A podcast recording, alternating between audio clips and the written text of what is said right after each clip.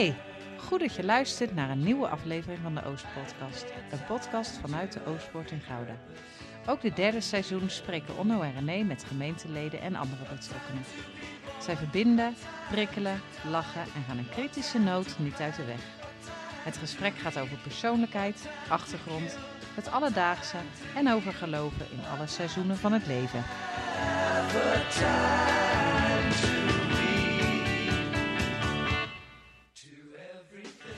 Welkom bij de Oostpodcast, de tweede aflevering van onze zomereditie in seizoen 3. Vandaag de gast Maarten Blom.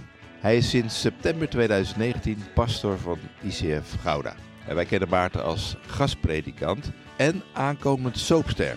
Daar gaan we het straks ook over hebben. Dan horen we altijd iets over zijn ervaringen als zendingswerker in Albanië. En in zijn koffer zit niet zijn toga, maar Arif, zijn brutale handpop voor een praatje met de kinderen. Wat ons betreft genoeg aanknopingspunten voor een gesprek. René, waar gaan we het nog meer over hebben? Visie op een one-pager. Ik ben een beetje eigenwijs. Van monocultureel naar multicultureel. Rauw verweving. God is echt te vertrouwen. En zwaaien naar mensen die je helemaal niet kent. Kortom, Genoeg reden om rustig een bakje koffie te zetten voor je tentje te gaan zitten. en te genieten van deze aflevering. Veel luisterplezier. Goedemorgen Maarten. Goedemorgen. Welkom eh, bij ons in de Oostpodcast. We zitten in de huiskamer in de Ontmoetingskerk. Fijne plek. Mooi. Het ja. is jouw kantoortje ook, hè? ja, zo is het eigenlijk gegroeid. Ja. Ehm, we lazen in, eh, in verschillende media dat jullie eh, als gezin mee gaan doen aan een huis vol. Wij zullen vast niet de enige zijn die dit hebben gelezen. Eh, kun je nog rustig over straat? Nog wel, want de eerste uitzending, aflevering is eh, 28 augustus. Dus mensen, heel veel mensen weten het. Maar er zijn heel wat mensen die ons groeten op straat. En, en hebben wij geen idee wie het zijn. En wij groeten heel vriendelijk terug. maar kennelijk heeft het met eh, een huis vol te maken. Maar heb je een huis vol dan? Wij hebben acht kinderen. Kijk aan. En dat voelt ook als een huis vol? En eh, dat, eh, dat voelt niet altijd voor ons als een huis vol, omdat wij het gewend zijn. Maar ik Ja. denk dat heel veel andere mensen die het, eh, die het zien en meemaken wel het idee hebben van wow, dit is wel een heel vol huis. Ja. En wat heeft je ertoe gebracht om met zo'n programma mee te doen eigenlijk? Wij zijn eh, opgegeven eh, door eh, vrienden van ons. We waren vorig jaar eh, waren op vakantie in Albanië. En toen, eh, eh, die vrienden die, eh, die maakten ons zo een beetje mee. En die zeiden gewoon gekscherend, oh, jullie zijn echt wel geknipt voor dit programma. Wij gaan jullie opgeven als jullie het goed vinden. Ja. En toen zeiden we van, nou ja, we doen maar. eh, of je doet maar. En eh, we kijken wel, eh, nou, ja, we komen er toch niet in. En uiteindelijk kwamen we er wel in. Dus we hebben er wel goed over nagedacht. Ook met de kinderen gesproken van, joh, willen jullie het ook echt Ja. wel? ja. En als je dat niet wil, dan gaan we het ook echt niet doen, zeg maar. Want het is wel eh 1,4 miljoen keer bekeken.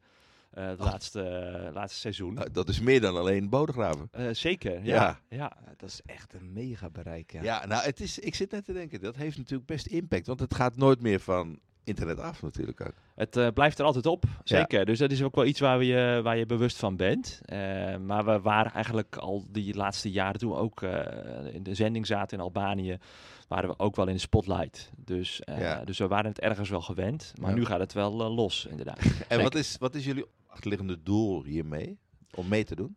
Eigenlijk was het eerste eh, wat we dachten en wat we vonden, we vinden het gewoon echt heel leuk om mee te doen met dit Plezier, programma. plezier maken. Plezier maken met elkaar, maar ook iets laten zien van, van kijk, zo, zo kan het dus. Ehm, tegelijkertijd is het ook wel kwetsbaar. Hè? Ik bedoel, we laten ook dingen van onszelf zien die gewoon niet zo fijn zijn. Eh, dus dat realiseren we ons. Maar het doel ehm, is in eerste instantie dus gewoon ja, je leven te delen. Eh, eh, de liefde die wij, wij hebben met elkaar te delen. Maar we vinden het ook wel heel mooi om iets van die kwetsbaarheid, maar ook de pijn die wij ook wel met ons meedragen. Daar gaan we straks misschien wel wat over vertellen. ehm, eh, te laten zien aan de mensen in, in Nederland. Als je het samenvat, is het leuk om mee te doen aan zo'n programma? Het is echt leuk ja, Ja? om mee te doen. Ja, het, we hebben heel veel lol met elkaar.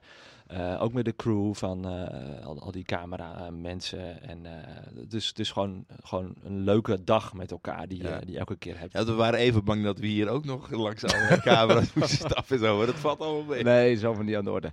Ehm, je, je bent of je wordt dit jaar 40. Ik heb het eigenlijk helemaal niet gevraagd. Ben je al 40? Ik eh, ben eh, ehm, eh, eh, nog geen 40. Ik Oké. ben, eh, eh, moet ik even nadenken. Ik ben van 83. Ja, nee, wij hadden uitgerekend. Nee, wij hadden het ja, uitgerekend. ja. Je wordt 40. Ja, ja, dus ik ben er eigenlijk helemaal niet mee bezig. Heb je door? Ik bedoel, De Big 4-0, hè? Ja, dus precies, ja. En- maar maar eh, dat gaat dus gebeuren, eh Deo Valente dan. Wat zijn jouw midlife klachten? Heb je die? ik heb geen eh, midlife krachten. Nee, Nee? nee, nee. Helemaal niks? Nee, helemaal niks. Nee. Ik, eh, ik fiets eh, regelmatig op de racefiets eh, met mijn zoon. Ik merk wel dat mijn zoon dan sneller is dan ik. Dus denk ik, oh, oké, volgens mij is hij wat fitter dan, dan ik. Terwijl ik mee getraind ben, bijvoorbeeld. Ja. Eh, dus daar merk je het aan. Maar ik ben best wel heel, heel fit eigenlijk. En nee, ik merk eigenlijk niks van, van klachten of zo. We zijn wel druk met elkaar door ons gezin, maar ook het werk en alles wat er om ons heen op ons afkomt. Maar we ervaren het niet als, als, als druk zijn of zo. toch nee, en niet. en eh, een eh, motorrijbewijs staat nog niet op de planning? Of, eh? Wij hebben geen eh, hele gekke dingen die we op de planning hebben staan. eh. We lazen je cv, eh, Maarten, en dat, die is best indrukwekkend. En je bent nog geen 40. Het leek of je al een hele leven achter je hebt. Kun je daar ja. iets tekst en uitleg over geven? Ja, ja, even heel, heel kort. Hè. Eh, eh, ik, ik, ik heb gestudeerd in België, in Leuven, eh, vijf jaar. En toen eh, ben ik kerkelijk werker geworden in Etteleur. Ehm, ik heb eh, bij eh, De Hoop eh, mogen werken, Stichting De Hoop in Dordrecht, verslavingszorg. En daar was ik pastoraal medewerker voor met name kinderen en tieners. op afstand, voorlichting, preventie. Ehm, daarna Albanië voor de GZB. Ehm, zes jaar. En toen kwamen we terug en de, gelijk in de ICF in, in Gouda. Ja. En dat is nu bijna vier jaar alweer. Hey, en je bent domineeszoon, eh begrepen we. Eh, geboren in Ridderkerk. Eh, hoe kijk je terug op die tijd? Ik ja, wij zijn eigenlijk opgegroeid met het idee, ja, je, je verkast ook elke keer weer. Dus, dus Oh ja. ik was vier jaar toen we uit Ridderkerk weggingen, ben daar geboren. dus ik weet van die tijd eigenlijk niks. En toen gingen we naar Elburg, op de Veluwe, vijf jaar gewoond. Daar heb ik wel wat... eh, Bible Belt, denk ik. Ja, zeker. Ja, Ja. ja. Veluwe echt. Ja, ja. Ehm, eh, ik kom uit een geformeerde bondsnest. Mijn vader is nog steeds eh, predikant, gaat ook regelmatig eh, voor nog. Ehm, ehm, nou goed, van die tijd weet ik heel veel, maar ik weet ook wel toen we naar Katwijk gingen, dat ik in groep 6 kwam en en dat je dan midden in de, in de lagere schooltijd eh, verhuist. En dat, dat had wel wat impact op, Ja. mijn, op mijn leven. Dus je, je gaat niet meer zo diep wortelen. Dus dat is Oh, wel ja. het gevolg van. Ja. En van een glazen huis als domineesgezin? Toen? Ik heb eh, nooit eh, iets negatiefs ervaren van een glazen huis. Er zijn mensen die, of ja, ook, ook broers en zussen van mij, eh, nee, die hebben daar niet echt heel erg veel, eh, veel eh, last van gehad of zo. Maar ik ken wel domineeskinderen die daar echt last van hebben Ja. gehad. En nu zitten we natuurlijk helemaal in een glazen huis. Dus ja, In een vol huis. Ja, Of een huis vol. huis. ja, inderdaad, ja. Eh, eh, ben je dan voor je eigen kinderen, eh, heb je daar, eh, dat ook, neem je dat ook mee in je achterhoofd als het gaat over die hechting? Ik eh, realiseer me dat als je heel veel verkast en heel veel verandering hebt, heel veel transities hebt in je leven, dat je eh, ja, echt minder. Dat je kinderen minder gaan, gaan hechten aan, aan, eh, aan de omgeving, aan Hm. mensen om zich heen. En wat, het, het is wel echt moeilijk om die extra transitie erin te hebben van het, van het verlies van onze dochter. Daar komen we straks nog op. Het- ja, dat, dat zorgt er wel voor dat, dat je ontworteld kunt raken echt. Dus daar zijn we ontzettend eh, bewust van. Dus we merken nu wel van, nu moeten we gewoon echt blijven waar we zijn. In Bodegraven, daar wonen we. We werken in Gouda, maar eh, dat is even een veilige plek voor onze kinderen. Ja. Heel belangrijk, eh, Ja. dat we nu niet ook nog allerlei andere veranderingen gaan, gaan krijgen. Uh, gereformeerde bond noem je net. Wanneer ben je tot geloof gekomen? Ja, ik, ik, ik groeide op met, met het geloof, met alles, eh, met, met kerkgang, eh, twee keer naar de kerk. eh, en ik wilde ook wel echt graag eh, mee. Ik vond het ook wel heel erg leuk om met mijn pa eh, op pad te gaan als hij Oh ja. elders ging preken. Ja. Vond ik wel interessant. Eh, en ik had ook altijd wel een heel kinderlijk geloof. Ik weet dat mijn zus eh, me op 7, 8-jarige leeftijd heel veel bijbelverhalen eh, vertelde. En ik dat echt heel gaaf vond. En dat het me... Ja, dat ik echt kon zeggen als kind van... Ik weet dat Jezus voor mij, eh, mijn zonde aan het kruis is Hm. gestorven. Dat was een kinderlijk geloof, maar dat was echt geloof. Hm. En ehm, dus, dus ja, eigenlijk tot geloof. Ja, toen had ik dat geloof toch al wel. Oh. Maar in mijn tienertijd werd het wel wat minder. Eh, en eh, gingen jongens om me heen naar me kijken van... joh, jij, eh, gelovig. En eh, ik, wil, ik zei ook wel dat ik dominee wilde worden. Ik wist echt wel dat ik geroepen was, ook al op Hm. hele jonge leeftijd.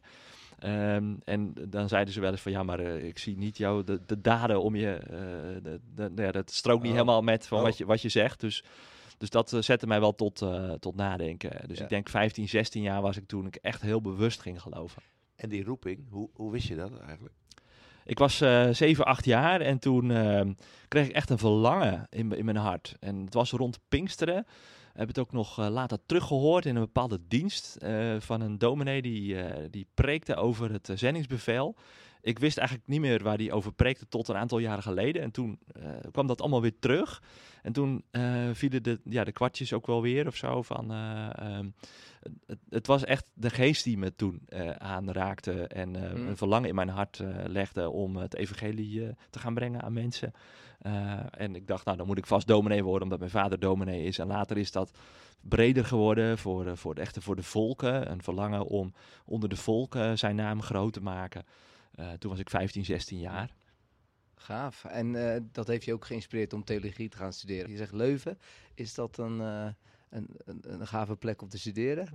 Ehm, ik wilde theologie studeren eigenlijk al toen ik ehm 11, 12 eh, was. Ehm, en toen zat ik nog meer te denken aan Nederland. Maar later, ja, ik, dat verlangen om, om onder de volken ja, eh, zijn, zijn naam groot te maken, dacht ik van ja, voor mij moet ik nu alvast maar een grens overgaan.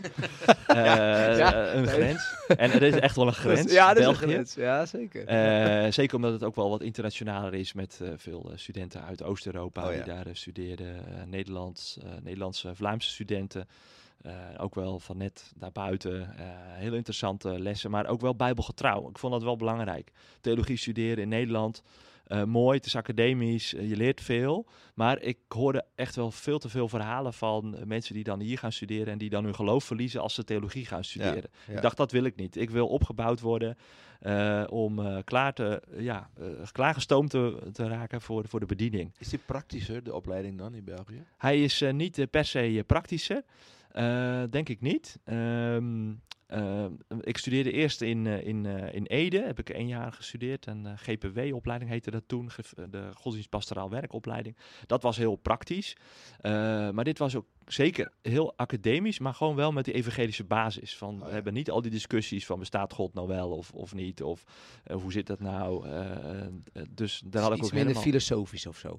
Ja, minder filosofisch op dat vlak, op het existentiële vlak, maar wel ook wel filosofisch, ook wel diep. eh, eh, ehm, het werd al uitgedaagd om er diep over na te denken. En wij moesten echt eh, hele dikke pillen eh, lezen en eh, uit ons hoofd te stampen. Heel erg ook de Vlaamse manier van, van, van leren, studeren, gewoon dingen je eigen te maken. En dat vind ik ook heel gaaf en belangrijk van de Bijbel, dat je gewoon dingen eigen maakt, dat je de dingen van buiten leert, zoals we dat in Ja. Vlaanderen zeggen.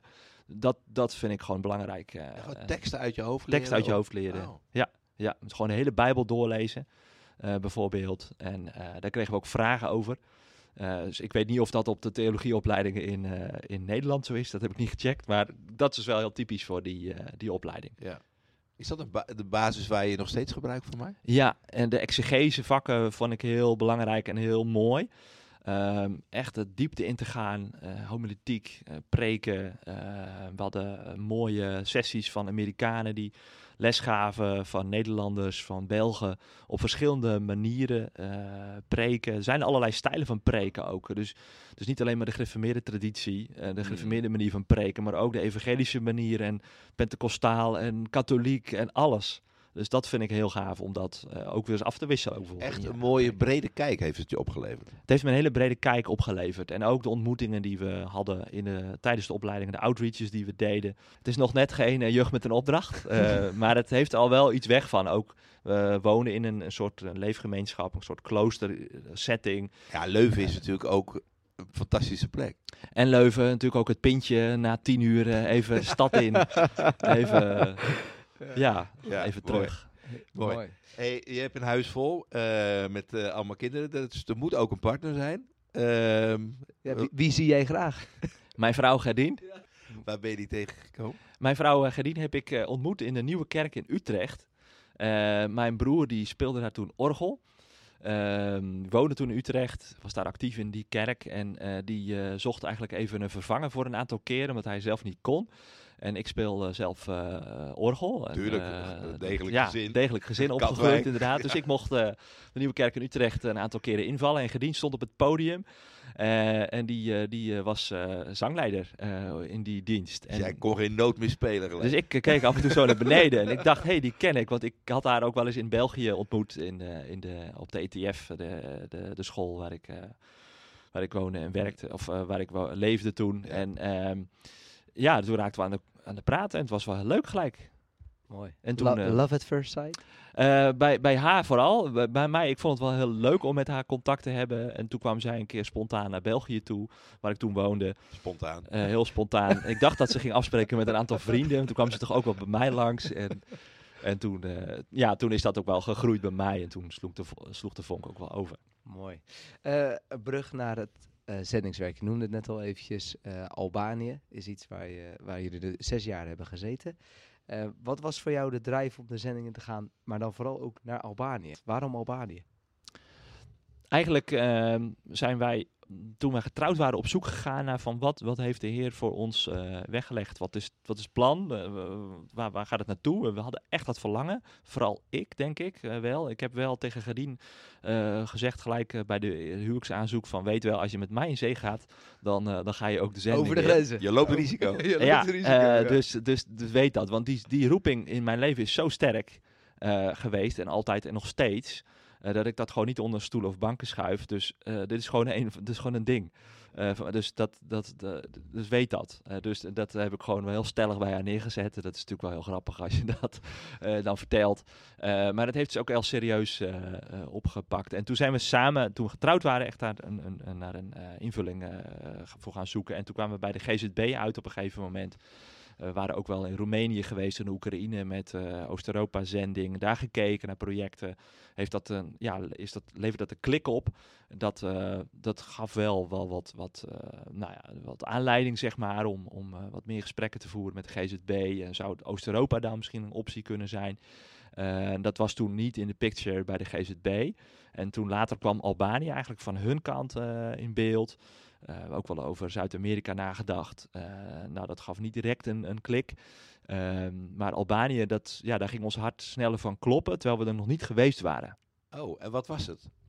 Wat, het, wat maakte het dat je hart sneller ging kloppen? We hadden al een intake gehad en, en ook wel gekeken naar wat is ons profiel. Eh, waar passen wij? Wat voor soort werk zouden wij kunnen doen en willen doen? En eigenlijk het profiel en, en de plekken, de vacature, eigenlijk die, die match, dat zorgde ervoor dat, eh, ja, dat we dachten van dit is het. Ehm, terwijl ja, ook de, de mensen natuurlijk niet kenden. Eh, maar we, we, we, we zagen wel van ja, de GZB bestaat gewoon 100 jaar. En die mensen die zijn gewoon heel wijs en die hebben daar heel veel inzicht in. En die worden ook door God eh, daarin gebruikt om gewoon te kunnen inschatten van, van wij zijn, eh, zijn jullie geschikt voor, voor deze plek. Dus daar, daar zag ik ook roeping in. Eh, het is niet alleen maar een uh, vaag een brief, of soms heel vaag kan het zijn hè, bij Ja. mensen. Dat voelen ons geroepen, ja, waar, wat dan en hoe dan. Voor ons was het ook wel dit, uh, het cognitieve stukje. En wat, wat, wat, waar bestond die vacature uit? Uh, gemeentestichter in, uh, in berggebieden uh, ten zuiden van de hoofdstad van, van Tirana, samen met een lokale partner. Uh, ja, gemeentestichting, pionieren, dat, dat leek ons wel wat. Uh, daar dachten we van, ja, dat, dat, dat kun, ja, daar zijn we gewoon wel, wel geschikt voor. We hebben ook wel wat ervaring mee al in Etteleur, in, in Brabant, in katholieke Brabant, waar het ook wel pionieren was, merkten we. Ja. Bij de hoop. Uh, dus dat samen maakte dat we dachten, dit is, ja, dit is echt wel een weg die open gaat. En toen zijn we ook wel gaan kijken, daar naartoe gaan in, in 2012. En, en toen merkten we van, ja, dit is echt wel hele bijzondere plek om uh, te mogen gaan werken. Gaaf. En hoe is dat proces dan van uh, ja zeggen en dan loslaten? Ja, op een gegeven moment ga je er naartoe leven en um, dan ga je het ook al een beetje, een beetje loslaten of zo hier in Nederland. Uh, we, we, gingen toen, uh, we wonen in Sint-Willebrod, in, uh, net op de grens met, met België, omdat ik in Etteleur werkte. Ja. Drie jaar gewoond en vanuit daar reden we dan ook naar, naar Dordrecht. en toen zijn we ook al bewust al een soort tussenstap gaan doen. We hebben toen in Rotterdam gewoond, naar Zuidplein en Sjaloos. Echt zo'n wijk, denk je van, iedereen zei van, ga je daar nou wonen? Uh, de eerste dag dat we daar woonden, werden we gelijk, uh, was er een inbraak in ons huis. We hadden allemaal dingen gestolen en zo. Dus we, hadden al een beetje het gevoel van, oké, we raken al een beetje ontheemd hier in, uh, in Nederland. dus en zo ging het stukje bij beetje eigenlijk uh, afscheid nemen van de mensen om ons heen. En we wisten wel, ja, Albanië is ook weer niet zo ver. Uh, we gaan elk jaar gewoon terugkomen en het is ook geen wereldreis. Het wordt een beetje vakantieland uh, langzamerhand. En nu wordt het echt een vakantieland. Ja. Toen wij er naartoe gingen, was het echt nog wel heel anders. Ehm, heel veel wegen waren niet geasfalteerd. Uh, ons werkgebied waar we terecht kwamen waren bijna geen asfaltwegen. We moesten echt met een jeep uh, het gebied in. Konden niet met een gewone auto erin. Nu is alles geasfalteerd, dus er ligt er zelfs een snelweg uh, in, in het gebied. Hey, die, het, het, samenwerken met de lokale bevolking en het oog krijgen voor cultuur daar, wat, wat heeft het met jullie gedaan? Ja, de Albanese cultuur is echt, het is echt een eigen cultuur. Albanese bijvoorbeeld is een, een taal die, een eigen, dus een eigen taalgroep. Um, het heeft een eigen historie.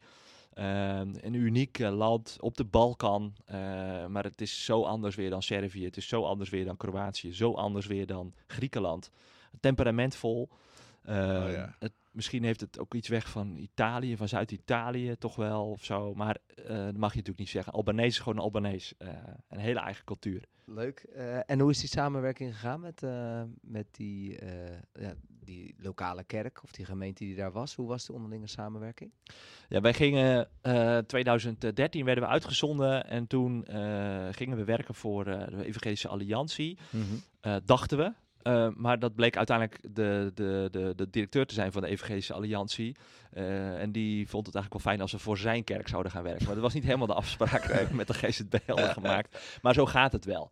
Uh, dat is de ervaring van heel veel zendingswerkers. je krijgt een job description en je denkt met een partner te gaan samenwerken. En uiteindelijk op het werkveld blijkt dat het dingen toch wel net wat anders lopen. De ja. lijnen lopen vaak wat anders. Um, uiteindelijk zijn we toen toch wel tot een heel mooi plan gekomen. Heel sumier. Uh, wel, uh, maar je, je ontdekt gewoon ter plekke van welke kant het op gaat. En, uh, en samenwerking was echt heel ingewikkeld soms.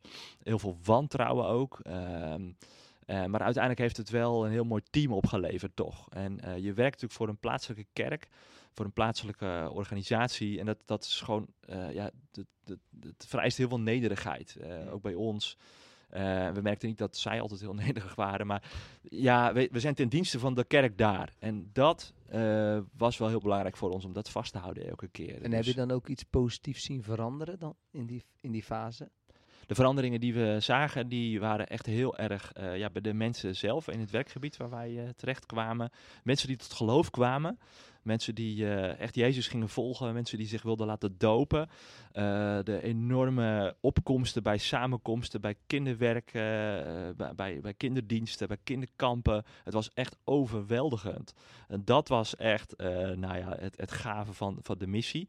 En wij ja, we zagen dat mensen, de medewerkers, het team zelf heel erg enthousiast werd voor, voor het werk wat God aan het doen was in, in dit gebied. Dat was overweldigend ook voor hun. En eerst waren ze nog niet zo overtuigd van, uh, van het succes van, uh, van deze missie. Ze zeiden van, nou ja, volgens mij kun je beter focussen op Tirana.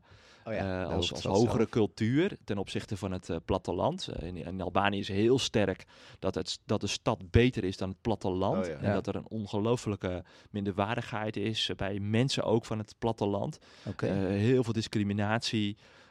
echt bizar, bijna racistisch. Um, uh, dus, dus wij hebben er eigenlijk voor gezorgd dat het platteland eventjes uh, wel veel meer werd geconnect met de stad. En tegelijkertijd is het daar ook stuk gelopen. Uh, omdat de, de stadsdominee, onze partner, gewoon veel te hoge, ja, veel te chique indruk wilde maken in, die, in het dorp. van, van, van, ja, van hogerhand dingen wilde, wilde gaan veranderen en zo. En uiteindelijk is dus die partner relatie eh, stuk gelopen. En, maar zijn we wel doorgegaan met het team wat we, wat we daar hadden. Heel bijzonder. En ook nu is er een, een lokale pastor die toen uh, in, in dat team zat. Dus ook wel losgegaan van die, past, uh, van die partner. Maar is nu voorganger daar. En het wordt helemaal gedragen door Albanese. Dus het werk is doorgegaan. Het werk is doorgegaan. Ja, ja. dat was uiteindelijk je, ik denk de inzet dat je jezelf overbodig maakt. Dat was eh, de inzet van, ja, van dag één. Dat hebben we wel gezegd. Ja, we gaan na zes jaar gaan we weer terug. En zij zeiden van, nou, dat moeten we nog maar zien. En, Ja. eh, maar dat was wel de afspraak die de GZB heeft gemaakt met de partner. En eh, daar is de GZB dan ook wel goed in om Ja. daar wel aan vast te houden. Hey, en wat doet dat met je geloof? Dat, dat je ziet dat het vrucht draagt en tegelijkertijd dat er gekonkel is en gedoe en ja, onder geloofsgenoten eigenlijk. Wat, wat doet dat met jou? Ja, heel veel strijd is eh, van binnenuit. Eh, er is ook wel strijd die je ziet eh, van buitenaf. Hè. Het wordt natuurlijk wel eens aangevallen, het werk. En de moslimgemeenschap die, eh, die, die, ja, die, die had wel eens moeite met de manier hoe wij evangeliseren daar Ja. in die omgeving. Maar eh, het moeilijkste is van mensen die je denkt te vertrouwen, die je uiteindelijk toch niet kunt vertrouwen. Eh, Hmm. Het was bijna KGB-achtig eh, dat we werden verlinkt op een gegeven moment door een broeder die ik heel eh, hoog had zitten. Ja. En die eh, ons eigenlijk een soort, eh, ja, die, die, die dingen op audiofragmenten fragmenten had opgenomen, stiekem. Ehm, en dat doorgaf, geknipt en geplakt natuurlijk aan, aan, de, aan de partner. En probeerde ons eruit te werken, omdat hij dacht dat hij zelf daar de rol kon gaan overnemen. En dat vertrouwen, ja, dat is bizar. Als je denkt dat, dat je christenen, dat je, dat je die kunt vertrouwen. En dat je dan merkt van, ik kan christenen dus ook niet vertrouwen. Eh, daar, heeft dat je perspectief op de wereld dan misschien ook zelfs een beetje aangepast? het heeft mijn ehm, eh, naïviteit wel enigszins eh, weggenomen. Ja. Dat je denkt van ja, in Nederland denk je iedereen te kunnen vertrouwen in de kerk. Maar hi- hier kom je ook soms gewoon van een koude kermis thuis. Dat je ook niet altijd... eh, nou, je, je moet ook niet altijd te naïef zijn in, in, in de kerk. En het zijn ook maar mensen. En eh, er zijn mooie uitspraken over van... eh, ja, eh, God is te vertrouwen, maar zijn personeel niet, eh, niet altijd. En dat merk je in de zending natuurlijk nog wel heel dubbel en dwars. Maar dat is, het is ook wel bizar dat we natuurlijk wel heel veel... dat is natuurlijk een heel slecht reclame eh, plaatje richting de buitenwereld. En eh, als dingen van binnenuit kapot worden gemaakt, eh, dat is niet uitnodigend voor mensen van buitenaf om, om, om lid te worden van zo'n kerk of, Nee, of. Als, christen dit te worden. zo, als ik dit dan zo hoor, dan denk ik van, blijf je dan over je schouder kijken? Ik zie dat, ehm, ja, ehm, erg, ergens ben je ervan bewust eh, in dingen die je dan zegt eh, in, in een team. Ehm, ik merk het nu ook nog wel eens in, in, in mijn huidige functioneren, maar ik wil wel mensen vertrouwen, toch? Ja. Ik, ik wil niet eh, met in wantrouwen eh mijn weg gaan. Maar ik ben me er wel van bewust dat dingen ook anders kunnen lopen op een gegeven moment. En mensen die, je die op je weg komen, die je ontmoet, dat je die op een gegeven moment, ehm, ja, dat die ook wel weer andere dingen kunnen gaan doen of hun eigen wegen kunnen gaan. En dan, ik, ik bescherm me een beetje voor teleurstelling eh, Ja, soms. Ja. Ja. Als je dan stilstaat bij de positieve eh, ervaringen die je hebt gezien, die je, die je meeneemt, wa- wat zijn dan dingen die je in je bediening terugbrengt hier in Nederland? Het, het gave is dat ondanks al dat gekokkel en al dat gedoe, dat God gewoon doorgaat met zijn, eh, met zijn werk. Hm. En dat neem ik heel erg mee. Eh, dus wat wij ook eh, bedenken en doen, welke visie we en strategieën we hier uitzetten in onze kerk, in onze bediening. Ehm, God gaat daar gewoon. Eh, maak ook gebruik van de dingen die wij, die wij bedenken, maar gaat ook soms hele andere wegen. Ja, hij is echt gaat te zijn vertrouwen. weg. En Ja. hij is te vertrouwen, zeker. Ja, en dat merk je gewoon door, door alles heen. Mooi. Ehm, ja, goed. We, we gaan naar een gedenkwaardig moment. Het overlijden van je dochter Mirjam. Ehm, dat, is, dat is helemaal verweven ook in dit zendingswerk. Ja, onze dochter overleed toen wij daar vijf jaar woonden. Dus eigenlijk onze, onze ehm, zendingswerk zat er bijna op al, zeg maar. Dus Ja. we waren al bezig met de overdracht eh, richting eh, de, de opvolging van, eh, van deze pastor die het uiteindelijk heeft overgenomen. Eh, dus die, die modus zaten we toen al. Maar het heeft natuurlijk wel een, ook een wending gegeven aan ons werk daar. En, en eh, echt, echt ten goede ook wel. Dat we in het lijden gewoon op één, in één klap zo dicht bij de mensen stonden daar. Want de mensen daar zo ook enorm veel lijden hebben Ja. meegemaakt. Ook in het verleden, maar ook op dit moment ook. eh, de armoede, corruptie, ehm, de moeilijke omstandigheden, werkomstandigheden van mensen. Maar ook eh, de familiaire omstandigheden die zo bizar waren soms. Elke dag maken de mensen daar zulke gekke dingen mee soms ook. En, daar waren we dan elke keer getuigen van. En soms dachten we als Westerling van ja, eh, ja, wij hebben het mooi makkelijk. Hè? Wij gaan straks weer terug naar Nederland. We hebben een salaris. Terwijl de mensen daar zo in onzekerheid leven. Ja. En, en, en opeens stonden we naast ze, omdat wij ook kwetsbaar eh, waren op dat moment en, en konden zijn. En, eh, en toen kwamen mensen bijvoorbeeld ook met verhalen van, ja, ik heb ook een dochter verloren. Eh, ik heb er nooit over gesproken, mocht er niet over spreken. Ehm, maar die verhalen kwamen. Hey, we, we hebben jou gevraagd welk lied ehm, verweven is met het zendingswerk in Abhanië. En toen zei je No Longer Slaves. Ja, niet langer slaven. Dat, eh, dat was een lied wat, heel veel, wat we heel vaak zongen in de kerk. En eh, ook in de kerk in Tirana, wat we hadden, eh, die, die partnerkerk, eh, die, dat, dat, was echt hun, hun lied, om het zo maar te zeggen. Maar wat we daar merken is dat er heel veel slavernij is, zeg maar. En Slaven, geestelijke slavernij, heel veel verslavingen. Je ziet ook heel veel alcoholmisbruik en heel veel andersoortige verslavingen. Maar ook heel veel angsten. Echt, dat heeft me echt heel erg getriggerd. Er was een keer een vraag van, van eh, een, vrouw, eh, voorganger, de vrouw van de voorganger uit Tirana, van wie is er eh, nooit bang? En toen stak niemand zijn vinger op. Hm. Iedereen is daar bang op de een of andere manier. Ja, ik durfde mijn eigen vinger eigenlijk niet meer op te steken, zeg maar, omdat niemand zijn vinger opstak. Want ik dacht, nee, ik ben eigenlijk nooit bang. Ja, wel voor slangen. Dat wel. Iemand zei van, ja, je bent toch wel bang voor slangen? ja, inderdaad. Ehm, eh, want we die daar ook wel regelmatig hadden, ook bij de kerk en zo. Maar, ehm, maar dit was zo'n zo'n punt van, en maar Jezus die, die, eh, die, die maakt slaven vrij. Hm. En het evangelie is daar zo, kracht, is zo krachtig dat, dat we mogen weten dat, eh, dat we vrijgekocht zijn. En dat eh, Jezus ons, ons vrij maakt, waarlijk vrij maakt in Johannes 8. Ja, we gaan een stukje luisteren. I've been born again to a family. Blood flows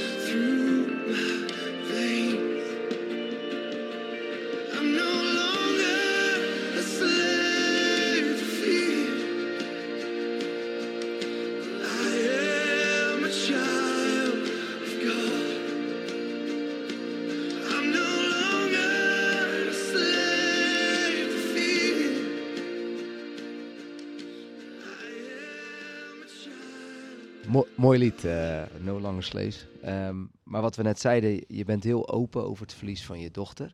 Het, eh, je reflecteert nu, of net al gelijk, eh, dat het ook heel veel heeft gebracht, verbinding heeft gebracht. Dat, dat lijkt me niet het eerste waar je mee bezig gaat op dat moment zelf. Nee, de- kijk, in eerste instantie is het een, een, een trauma. Ja. Het, het is een hel waar je opeens in terechtkomt. En eh, je had nooit bedacht dat je een kind zou kunnen verliezen in, eh, in, eh, op het zendingsveld. We hebben er wel eens over nagedacht trouwens, dat wel, maar je kunt het je helemaal niet voorstellen. En opeens, ehm, eh, ja, mijn dochter, die, ik, ik was er niet. Ehm, ik, ik was aan het fietsen na een, een, een, lang week een, een kinderkamp wat we hadden met, eh, met eh, 200 kinderen uit het dorp. eh, Een fantastische week. Dus ik dacht even, even stoom afblazen, even weg. De bergen in, Alpen, Noord-Albanië. Eh, ik had een dag eh, hard gefietst en eh, toen werd ik gebeld eh, aan het einde van een fietstocht door eh, mijn vrouw. En eh, die zat in de ambulance en toen had mijn dochter al geen hartslag meer. En geen ademhaling, eh, vergiftigd door een eh, bacterie. Een, eh, ja, een- eigenlijk een bijna onschuldige bacterie, zo leek het in eerste instantie. En eh, ja, dan zit je midden in een hel. Dat, dat denk je, wat is dit? Eh, dat, het- droom ik. Ja. En, en, en ook de tijd erna blijft het zo heftig. Eh, je leven staat stil, je leven staat op zijn kop. Wij denken, we dachten niet meer aan de missie. Eh, zeker niet. We dachten ook niet meer aan. Het doel, het gaat, alles staat op zijn kop. Ja. En je zegt in een preek bij ons, eigenlijk elke keer komt Mirjam wel voorbij. Is dat helpend? Nu merken we dat we ehm, dat het helemaal verweven is. Eh, de- de- dat, dat stukje van, eh, van Mirjam, dat is eh, verweven met ons leven. Hè. We hebben het wel eens over rouwverwerking. Nou, rouwverwerking, denk ik, dat bestaat eigenlijk niet. Ik zou willen zeggen, het is een rouwverweving. Ja. Dat Mm. het er zo doorheen gaat. En ehm, het, het komt altijd weer terug. En eh, het is, het is een part of us, eh, Ja. zeg maar. Of van ons leven. Dus ja, ik, ik zag een foto van, eh, van, van jullie gezin in de aankondiging van het televisieprogramma met een mooie foto. En dan staat ons Mirjam erbij. Ja, Wij hebben in de, ja, op de foto eh, op de Caro NCV-website, dan, dan staat Mirjam in een lijstje erbij. Zeg maar, wordt hij vastgehouden door de andere kinderen. Ook heel mooi symbolisch. En eh, op andere foto's hebben we ze erbij geshopt. Foto gefotoshopt op een hele mooie manier. Oh ja. Eh, dus niet, niet zichtbaar dat, dat ze er dan niet bij stond, zeg maar, op dat moment. eh. ja. Wat voor kind was meer? Ja, Mirjam was zes jaar. een, een bloem in de knop. eh, die aan het uitbloeien was. Ze zat op de International School in, in Tirana, de GDQ. Ehm, eh, dus dat was ja, een, christelijke school waarin ze heel veel mooie liederen leerde. Ze zat eigenlijk dus, ik moet even goed in de first grade. Dus dat is dan eh, volgens mij groep drie. Ze was zes. eh, dus ze leerde de, ja, de, de, letters. ze, ze leerde schrijven. ja, alles wat, wat in groep drie voorbij komt. En, maar ook ehm, alles aan het ontdekken. Ehm, dus heel erg die bloem in die aan het uit, uitkomen was, zeg maar. En eh, eh, vrolijk. eh, ze zat op ballet met mijn andere dochter. In zo'n dorpje in Albanië? Nee, nee, we woonden in de rand van de stad trouwens. Oh. Aan de rand van Ja. Tirana, vlakbij dat dorp. En dat is echt een grote stad waar dit soort dingen allemaal zijn. Ja, kijk, wij moesten wel een half uur rijden voor een balletles hoor. Ja. Eh, overal, en dat was dan een piece of cake. Maar dat heb je als je in de binnenstad van Amsterdam eh, woont. Oh. Volgens mij ook, hè. Dan moet je ook wel eens wat verder rijden. Uh, Ja. Toen qua, qua afstand is natuurlijk niet zo ver. Maar. Maar ze deed volop mee.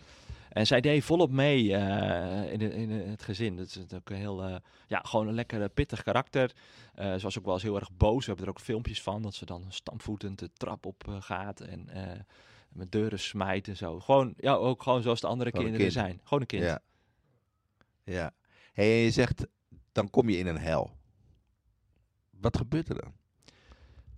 ja, je leven staat natuurlijk volledig op zijn kop. Maar eh, in die hel merkten we wel dat, eh, dat de Heer er was. Eh, het was een hel ehm, die je dan doorgaat. Maar was ook zo snel al duidelijk dat de Heer ehm, die hel heeft overwonnen. En, en de dood heeft overwonnen. En de, de, de overwinningskracht die we, die we ook al eh, heel snel eh, voelden, ervaren en kregen. eh, die heeft gewoon altijd de boventoon gevoerd. En die, dat is tot nog toe gewoon altijd de kracht die, die met ons meegaat. Mm. En, Jezus is opgestaan uit de doden. En ehm, ja, we mogen leven. Terwijl we niet altijd de kracht hebben om te leven, maar worden we elke keer weer opgewekt om, om te leven. We mogen Jezus daarin ervaren en zien. En de Ja. Heilige Geest, de kracht van de Heilige Geest. En zo is dat gebeurd. En ja, we hebben eh, mo- bijzondere dingen meegemaakt. Hè. De- we stonden op het balkon, we hebben het ook wel eens in de Oostpoort verteld. Hè, in, in een preek, eh, dat die vlie- dat vliegtuig overvloog en met het kistje van Mirjam. En toen eh, eh, stonden wij op het balkon en een soort hemelvaart. En een bizar moment dat, je, ja, dat, dat, het, het stoffelijk overschot van je, van je dochter daar gaat. En, ehm, en toen, een paar eh, minuten daarna, was er een aardbeving. Eh, eh, 5.2 op de schaal van Richter. De aarde die schokte, bewo- bewoog. God liet zien van, ik ben erbij, ik ben machtig. Ik, eh, ik eh, Ja. heb alle macht in hemel en op aarde. En een regenboog die nog een aantal minuten later ook nog kwam. De trouw van God. Nou, dat, weet je, die, die beelden, Ja. dat blijft ons gewoon bij. Ja, dat is echt iets om je aan vast te houden. zeg maar. Dat is om ons aan vast te houden. Tegelijkertijd vult het niet het gat. Nee. Want ja, weet je, dat, dat, is, eh, dat, dat gat is er gewoon. Dat gemis is er gewoon. Ehm, ehm, al die mooie dingen mogen, kunnen niet de plek vullen van, van het verlies van je dochter. Dus dat hebben we ook wel moeten leren. Ehm, het verlies is gewoon het verlies ook. Ja, dit is de soort pendelbeweging die je maakt, zeg maar, van verlies en ook weer meedoen. Ja, En ook weer je opgeven voor zo'n televisieprogramma. En, vallen en dus opstaan. En, en, zeg maar. En het is er altijd. Het is, het is, eh, ik heb dagen dat ik heel moe ben, bijvoorbeeld. Eh, Ja. En dan denk ik, waar komt het nou door? Heb ik nou zoveel gedaan? Gisteren, vandaag of zo? Ja, geen idee. Ehm, en dan mijn vrouw zegt wel eens van, nou jongen, eh, kom op. Ehm, maar dan later denk je van, nee, weet je, het was... En dan vallen de puzzelstukjes weer even, ja, eh, dat je dan de dag ervoor toch ook even een momentje had dat, dat het weer heel erg binnenkwam. En dat je dan weer een dag later gewoon nodig hebt om daar weer even van bij te komen. Dus dat is er gewoon constant wel. Ja. ja, dat zuigt natuurlijk heel veel energie weg. En je kan wel zeggen, oké, dan geloof je wel, dan heb je wel houvast en dan weet je het wel. Maar ja, je hebt ook maar gewoon een eenvoudig lichaam, zeg maar. Ja, en, en dan is het gewoon ook wel eens heel erg leeg eh, Ja. soms. Eh, als ik aan het koken ben, de gedachten die door me heen gaan, dat het gewoon echt, ehm, dat, je, dat, je, dat je gewoon eh, heel erg gemis hebt. Ja. Dat, dat ze er gewoon nog niet is. dat kan niet. Het klopt niet. Nee. Eh, Nee. Het blijft niet kloppen. Eh, Nee. en, en, en die momenten die waren in eerste instantie, die waren in het eerste jaar heel erg heftig. Ehm, eh, bijna dat je denkt van hoe kom ik hier overheen? Ehm, en later worden die momenten wat minder heftig. worden die momenten ook minder vaak. Dus dat gebeurt wel. Ja. De tijd, eh, het is niet dat de tijd wonden heelt. Dat, is- dat, dat, dat kan niet, want tijd kan geen wonden helen. Alleen de Heere God kan wonden helen. Hm. Dat is wat, wat, we, wat we ook wel zien. Ja. De wonden ook wel geheeld worden hier en daar. eh, ja, door, door Jezus. Ik vind het mooi dat je de hele tijd over we en ons praat. Vind je elkaar goed in, in, in die rouwverwerking? Kan je elkaar goed vinden? Niet altijd. Verwerking, Ja. verweving moet ik zeggen. Ja, rouwverweving. Ja, ja. Niet altijd, ehm, want we hebben ook wel onze eigen proces. Gedien is heel erg bezig eh, met, met haar proces. Kijk, als man en vrouw rouw je ook gewoon anders. Ja. Ehm, eh, maar zij geeft me ook wel eens een, een tip van lees dit boek of zo, of Ah, dat boek. Want en dat dan- kan ook een wicht brengen. Hè? Dat zijn ook verhalen die we allemaal wel kennen. Ja. Er was iemand die eh, tegen ons zei van ja, rondom dat overlijden, dan word je heel erg een top gedreven. Eh, geestelijk ook, sta je bovenop een berg. Ehm, eh, heel mooi alle aandacht die je van mensen krijgt en, en ook van God. En, en dan moet je vooruitkijken dat je niet daarna eh, aan, aan, eh, elke aan de ene kant van die berg naar beneden rolt. Hmm. Maar dat je elkaar vast blijft houden. Ja. En dat was onze uitdaging. Dat is niet altijd goed gegaan. Dan moeten we ons, eh, moeten elkaar blijven zoeken. eh, en het grote gezin, ja, het zorgt er ook wel voor dat we wel eens eh, langs elkaar heen lopen. Ja. Ja. Hoe doe je dat dan? Elkaar blijven zoeken? Hebben jullie, hebben jullie daar een strategie voor afgesproken? Eh, het zijn soms spaarzame momenten, maar die momenten moet je koesteren. Ehm, kijk, onze dag begint eh, gewoon om zes uur s ochtends eh, als de eerste baby begint te, kri- te krijsen. En, en als de laatste tien naar bed gaat, is om tien uur, half elf. Ik word wel heel nieuwsgierig. nou ja, you can watch it in the program. ja, ja, ja. Eh, maar de- de- dat. En eh, tussendoor moet je zorgen dat je momentjes hebt of zo. We hebben ook wel gewoon ochtends vaak momenten dat we even een kopje koffie hebben samen. En dan moet je echt even elkaar roepen. Koffie. Ehm, en eh, even buiten op het bankje. Even een momentje. Het zijn maar een paar minuutjes soms. Ehm, en, maar wat wel eens lastig is, met elkaar te bidden bijvoorbeeld. En dat is zeker wel een uitdaging voor ons. De laatste keer zeiden Gedien het ook gewoon tegen mij van ja, hoe vaak bidden we nou echt met elkaar? Hm. Eh, we hebben wel onze eigen stille tijd. Maar dat is de echte uitdaging die we hebben. Maar dat is wel een sleutel. Eh, Ja. Maar eh, gewoon open te blijven communiceren Ja. met elkaar. ja. Wij eh, we hebben het gemak ergens dat we makkelijke karakters hebben. Dat we makkelijk over dingen kunnen heen stappen. Ook in conflicten bijvoorbeeld. Eh, niet echt hevige ruzies of zo. Eh, het, het kan wel eens omweren, maar het is ook wel vrij snel weer, eh, weer over. Misschien is dat eh, de zegen die we mee Ja. hebben gekregen. Hey, en jullie, wat jullie samen hebben doorgemaakt, wa- wat zou je van daaruit aan andere ouders die hetzelfde meemaken en misschien wel worstelen met hun geloof kunnen zeggen? elk proces is, is gewoon anders wel. Dus wat het verhaal van ons is, ehm, ja, is ons verhaal. En ik, eh, verdriet is verdriet. Ehm, maar daarin eh, geloven wij wel en zien wij dat er altijd wel weer een weg is. En eh, zoek dat. Eh, dat Jezus eh, altijd, ook in het lijden, hoe heftig ook, altijd wel wel weer een, een, een komma wil zetten in jouw leven. Ook als je het niet voelt. Ook als je het niet voelt, inderdaad. En, ehm, en, en ook al kun je het je helemaal niet voorstellen, want dat konden wij ons, onszelf ook, wij konden het ook niet voorstellen, dat er toch weer een, een weg is, dat er toch weer een komma komt, eh, dat dat toch kan. En Ja. eh, strek je daarna uit. En laat, ook, laat je ook vullen. Ehm, en rouwen. Kijk, op een gegeven moment eh, is dat ook iets wat je gaat koesteren. Hè? Dat, dat, dat rouwen, dat dat ook een stukje veiligheid geeft. Dat het zo'n herinnering is die, die fijn kan zijn. Rouwen kan ook fijn zijn op een gegeven moment. Verdriet kan ook fijn zijn, omdat het ook iets is van, van jezelf. Ehm, maar het is niet altijd helpend. Want je kan het, dat kan je ook helemaal in een put zuigen. Ehm, maar tegelijkertijd is, is, is ja, karakter speelt ook wel een enorme rol. Ehm, dus zoek ook daarin van wat is jouw manier van rouwen? Wat is jouw manier van hiermee omgaan met dit verdriet? En welke plek kan, kan, kan de Heilige Geest hierin invullen? Ja. Eh vanaf vullen, kijk, ja, weet je, het klinkt ook weer zo van ja, dat gat moet weer gevuld worden. Zo is het ook niet. Maar Nee. kan je wel helpen? Ehm, kan je wel weer ergens heen sturen, trekken. Ja, wat heeft in, in, eh, in Albanië eh, dat contact met mensen die hetzelfde hadden meegemaakt, is dat helpend? Door het vertellen van ons verhaal merken ze van, eh, wauw, het, het kan dus. Je kunt dus weer verder. Mhm. Ehm, en, en, en het mag er ook zijn. Kijk, wij Ja. eh, hebben heel erg ons, wij, wij vertellen ons verhaal elke keer weer. Elke preek komt het terug. Bijna. Ehm, eh, we geven heel veel interviews. We laten in het programma straks ook heel veel zien over het verlies van onze dochter. Eh, door het, het er te laten zijn, dat geeft al zoveel perspectief en zoveel ruimte. Eh, en ook gewoon dingen te vieren, te blijven vieren. Wij vieren bijvoorbeeld de geboortedag van onze Mirjam. En met taart, met allemaal leuke dingen, met activiteiten. Het is gewoon echt een verjaardag. Ja, ze is gewoon onze dochter. Ja, Ze is nu in de hemel, ja, ehm, maar het is wel onze dochter. Ja. Eh, dus het is, we gaan niet in een hoekje zitten en eh, heel verdrietig zijn die dag. Het is heel verdrietig, maar we vieren het met elkaar, Ja. toch? Ben je bijvoorbeeld bang om haar dan te vergeten ook? Zit dat er ook achter? Wij zijn eh, niet bang om haar te vergeten, nee.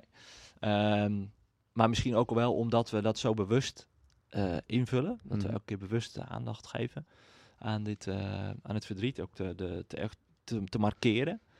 Ja, met, Ehm. met, met taart, met, met vieren, met activiteiten. Ja. En, en mijn vrouw is er heel goed in, heel creatief eh, dingen te bedenken. Ik had het nooit bedacht, weet je. Ik ben wat minder eh, van symboliek en zo. Gedien is heel erg eh, van die symboliek. En, en Mhm. ook echt hele mooie dingen die ze, die ze bedenkt. En ook Jaël, onze dochter van, eh, van 12, die heeft echt ook hele mooie ideeën altijd. Een keer met een kwartetspel. Ehm, toen eh, eh, eh, met de geboortedag van Mirjam de laatste keer vieren. Toen had zij een heel mooi kwartetspel gemaakt van, eh, van, van het leven van Mirjam. De tijd op eh, de GDQ op de school. eh, de, de tijd in, eh, ja, met de buren. En het was, elke, het was gewoon onderverdeeld in, in allerlei subcategorieën. Mag ik van jou van, Oh ja. van school eh, dat eh, jurkje of zo, weet Oh je ja. wel, dat. En, en, hele, mooie foto's erbij. Ja. En de kinderen die dan dat spel met elkaar gaan doen. En dat spel dat ligt gewoon op een kast bij ons. En ja. heel vaak pakken ze het spel er weer even bij. En gaan ze gewoon kwartetten met. Mirjam. Ja. Je noemt het eh, bewust, denk ik, geboortedag in plaats van verjaardag. Eh, ik heb een collega die heeft ook eh, een kind verloren en die zegt... een van de moeilijke dingen vind ik dat zijn zoon dan niet ouder wordt. Herken je dat? Herken je die, eh, dat verjaren gebeurt niet meer? Het is jouw dochter nog steeds zes jaar ergens. Eh, is dat ook in je hoofd zo? Werkt het ook zo? Ik mis, ehm, eh, nou ja, wel eens van. Ik, ik had nog wel mooi, mooie dingen met haar kunnen doen, eh, met, haar eh, kunnen meemaken. Eh, ik, ik kan me nog herinneren dat wij bijvoorbeeld eh, eh, met z'n tweetjes naar de Skopje gingen om een paspoort te verlengen uit Iran. En zes uur rijden en dan moest ik een overnachting aan koppelen, want de ambassade was van 9 tot 12 open. En zo gaat het met Nederlandse bureautjes, hè, wereldwijd. eh. Nederland is niet zo, niet zo sterk daarin wat flexibel te zijn. Dus we moesten een overnachting, maar we hebben er gewoon een leuk feestje van gemaakt. En het was zij vijf jaar of zes jaar.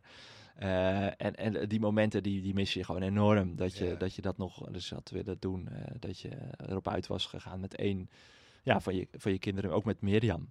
Eh, ik ben pas met onze Tijmen eh, samen weg geweest. Met nog een andere vriend erbij. Maar gewoon lekker fietsen en gewoon samen tijd doorbrengen. En dat mis je natuurlijk wel. Ja. Ja.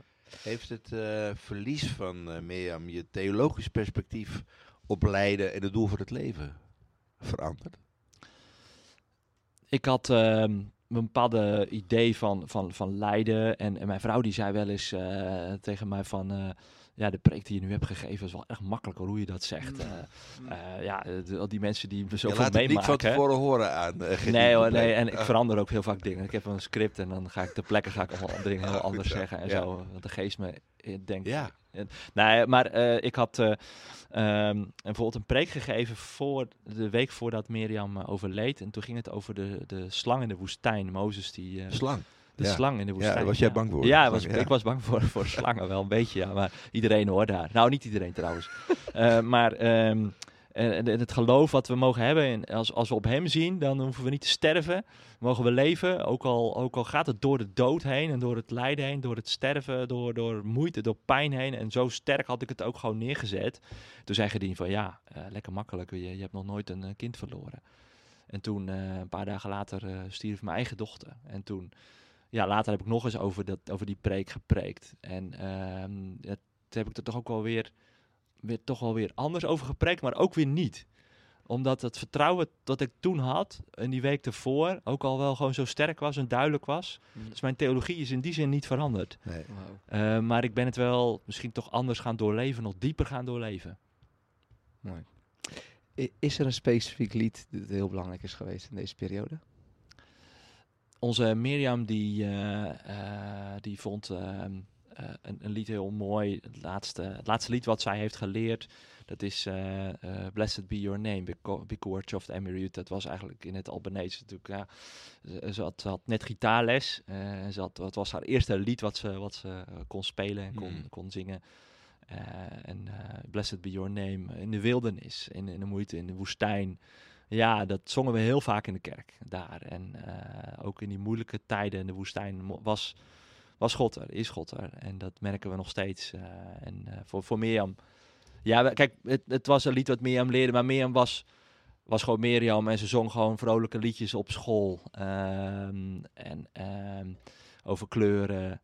eh, rood, geel, en blauw, eh, groen en eh, alle kleuren van de regenboog. Eh, het was een, een, een, een meisje wat, wat heel erg sprankelend was en ze had heel veel lievelingsliedjes. Maar dit lied is wel echt het lied geworden ook in onze kerk even, eh, Ja. op dat moment. Wil je het nog een keer in het Albanese zeggen? Bekoer, Choft en Marie. Mooi. Gaan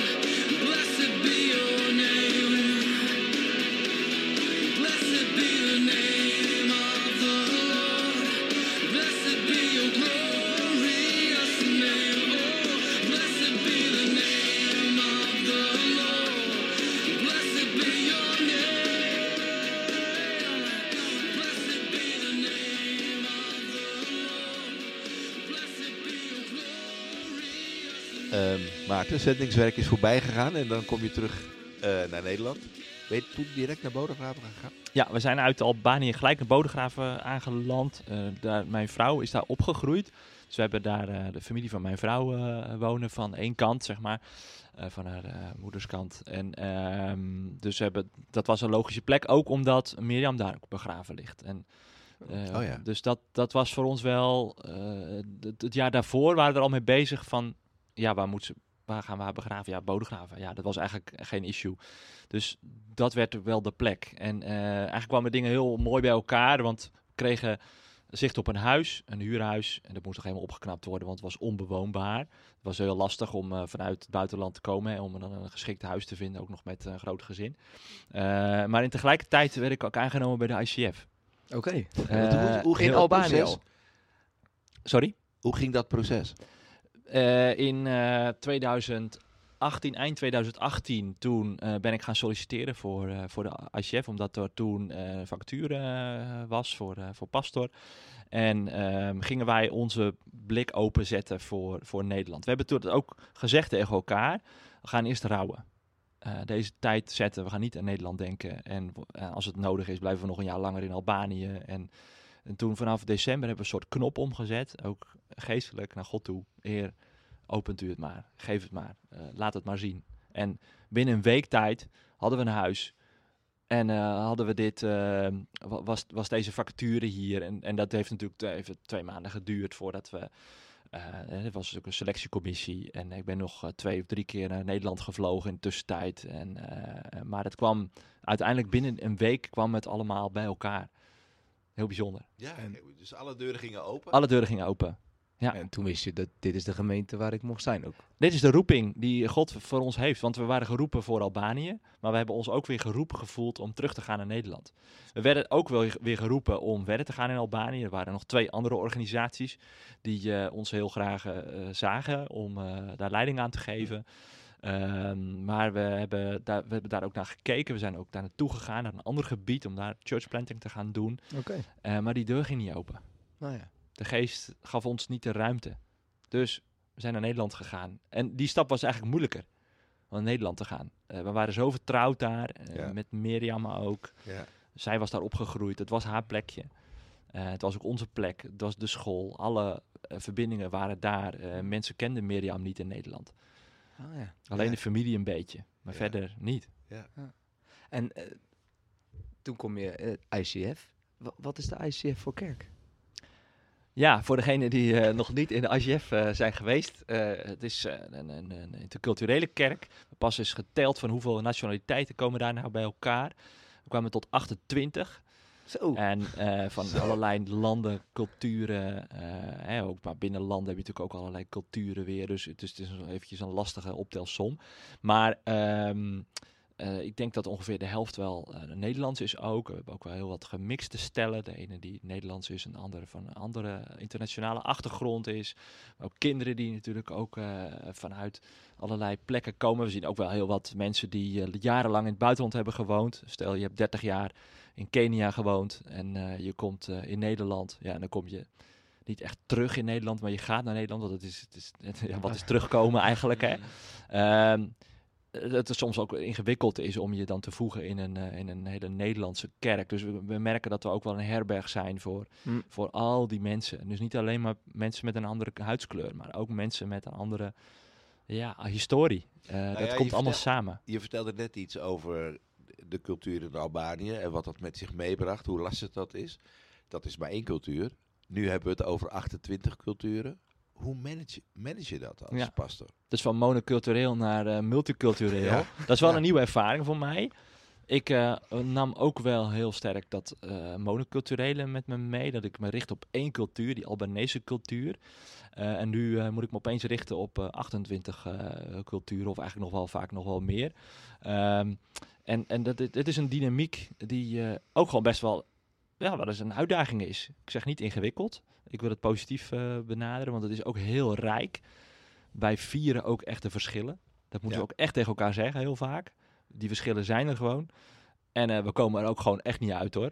Als, de, als, als de, we op een gemeenteavond de ene zegt, ja, we moeten meer echt die aanbidding hebben. En meer van de geest. En, en, en dan zeg ik amen. En dan zegt een andere broeder, die zegt, ja, we moeten ook wel eh, de geloofsbeleidenis eh, doen. En eh, we moeten ook, ook, ook liturgische momenten inbouwen. We moeten ook wel iets Anglikaans erin doen. Of ook wel iets katholieks of iets orthodox. Of ja, ja, dat gaat ook niet in één, één dienst. Als je dat allemaal wil doen in één dienst. Dus we zoeken dan- daar gewoon constant in. Ja, en wat, want hoe pak je dat aan dan? Wat is dan het geheim? Ehm, soms eh, doen we zoveel, mogelijk in één dienst. En dan denken we, oh, we hebben veel te veel in één dienst gedaan. En we wisselen ook heel veel af. Maar het is ook vooral gewoon heel veel mensen empoweren. Mensen in hun kracht zetten. Mensen op het podium zetten. Mensen dingen te laten doen. ehm, mensen inzetten. Ehm, kijk, je kunt eh, een show opvoeren. Dat is niet de bedoeling. Ehm, eh, we hebben geleerd om niet eh, een dienst voor een doelgroep te doen, maar met elkaar Ja. te doen. En dat heel ja. vaak gaat dat niet. Eh, eh, heel vaak doen we toch weer iets voor een, me- een groep mensen. En dan gaan we een varsilied op het podium zingen en dan is er eigenlijk niemand in, in, in de zaal of, of op het podium die, die dat zingt. Dus dan zingen we als Nederlanders een varsilied. Dat kan ook heel raar overkomen.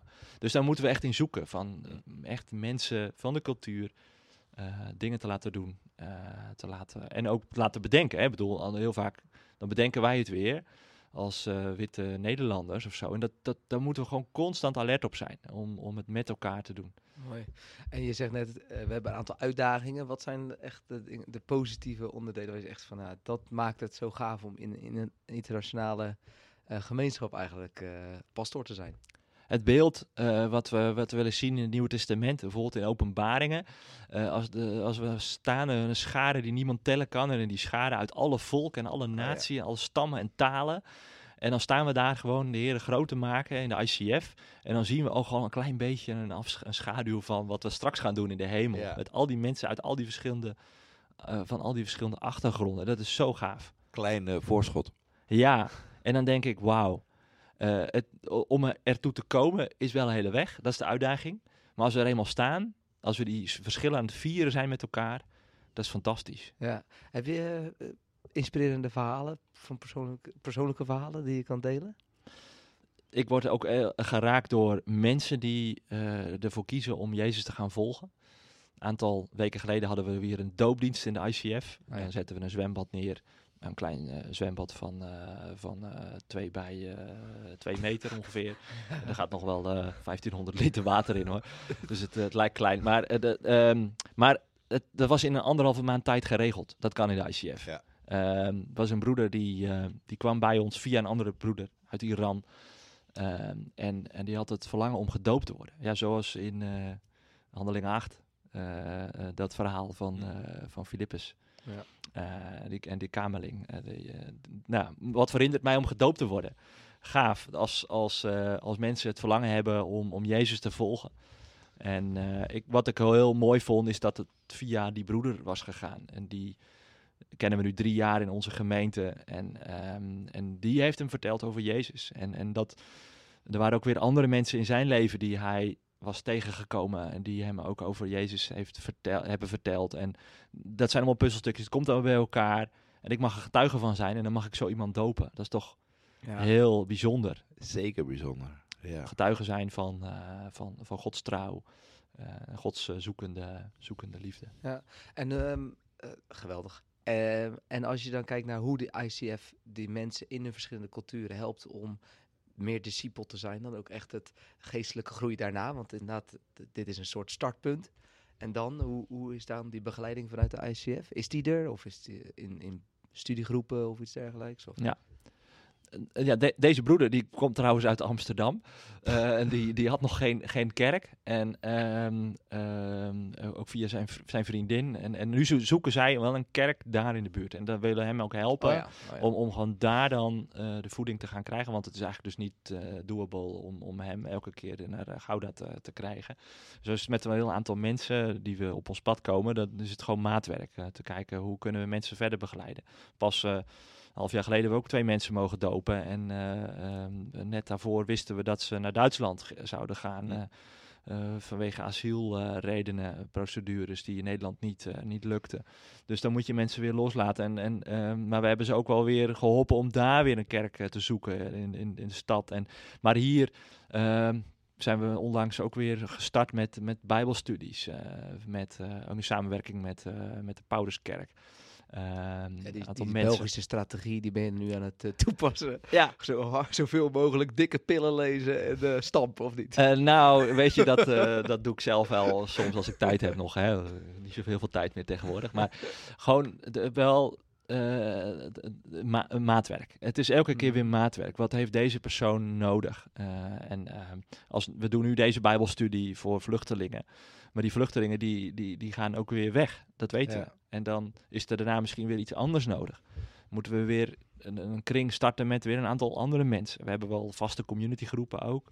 Maar we zien dat mensen natuurlijk heel vaak ook weer verhuizen, vertrekken. En er is ontzettend veel circulation. Ja. Dat is, Wat is dan de- lastig wel eens. De, ik weet niet, hoe, hoe heet dat bij jullie? De oudste raad of de kerkenraad? Leiderschapsteam. Leiderschapsteam, dat zijn Nederlanders? We hebben een gemixt leiderschapsteam. We hebben nu vijf mensen. Het is wel klein. We hadden eigenlijk zeven mensen in eerste instantie. En we willen ook wel weer terug daarna. Ehm, het is even ook eh, door eh, coronatijd en ook wel op andere vlakken ook wel mensen echt tekort komen. Dat is ook echt een uitdaging op, eh, op bepaalde teams. Ehm, eh, sorry, wat was je vraag? Nou, hoe dat georganiseerd is. Ja. zeg Maar je hebt een leiderschapsteam. hoe divers het is, Ja. ja. En ehm, eh, het is intercultureel. Eh, we proberen man, vrouw, verschillende cult- culturele achtergronden echt bij elkaar te zetten. Maar niet alleen cultureel, maar ook wel interdenominaal. Hè? Want we vergeten wel eens dat we, oh, we zijn intercultureel, maar we zijn ook interdenominaal. Eh, van al die kerkelijke achtergronden. Allerlei dus van. Gergem eh, tot Pinkster en alles wat ertussen zit en alles Ja. wat ernaast zit en eronder en weet Ja. ik veel. Eh, het, Ja. is, het is echt al en probeer dat maar in een team bij elkaar te krijgen. Dat, dat ga je natuurlijk nooit helemaal lukken, maar dat is wel, eh, wel, eh, Ja. wel onze inzet. Maar de neuzen staan dezelfde kant op om de verschillen te vieren. Ja, ja, de neuzen staan niet altijd dezelfde kant op en daar moeten we ook echt aan werken, echt aan blijven werken. Nu merken we wel, ja, het is echt een mooi team. Ehm, en, maar we zijn ook gigantisch druk met elkaar. En eh, ja, bijvoorbeeld een piloot in ons, in ons team, ja, die zit eh, de- door de week eh, nooit in Nederland. Die is gewoon aan het vliegen en dan Ja. haakt ze aan via Teams of zo. in, met onze meeting. Dus we hebben nu vooral veel online meetings. en ja, ik ben eigenlijk helemaal niet zo'n online meeting. maar ik vind het verschrikkelijk ingewikkeld. En het Ja. kost me enorm veel energie. Om, eh, dus ik heb liever gewoon live. Maar dat is gewoon even niet wat het is nu. Nee. We moeten nu roeien met de riemen die we hebben. Hey, en de, jullie zijn onderdeel van PKN Gouda. Hoe is die samenwerking? Want eigenlijk zijn jullie een beetje een vreemde eend in de bijt. Ehm, wij zijn, eh, we zijn heel dankbaar dat we eh, missionaire wijkgemeente mogen zijn van, eh, van, van de PKN Gouda. Dus dankbaarheid overheerst. Ehm, het gevoel dat we PKN zijn, dat, dat, vind, dat is soms wel eens een uitdaging voor ons. Want als iemand uit Nigeria of uit een ander land hier komt en we zeggen, ja, we zijn deel van de PKN. What? What is PKN? What is it KPN? Is it, what is it? KPN. KPN? Eh, This is my provider. Ja, ehm, oh, nou ja, we kunnen heel grapjes over maken natuurlijk. Maar het gevoel dat je deel bent van de protestantse kerk in Gouda, daar moeten we constant aan, aan werken. Maar ik, ik, ik voer niet altijd die battle. Ehm, ehm, dat ik het ook niet altijd... Ik zoek daar een beetje in van wat, wat, wat is onze verbinding. En wat wel onze verbinding bijvoorbeeld wel heel erg is, is eh, in de diaconie. Van eh, een kerk en vluchteling bijvoorbeeld. Eh, heel gaaf hoe we daar in samenwerking met elkaar. Dus het zit er meer in dat soort verbanden.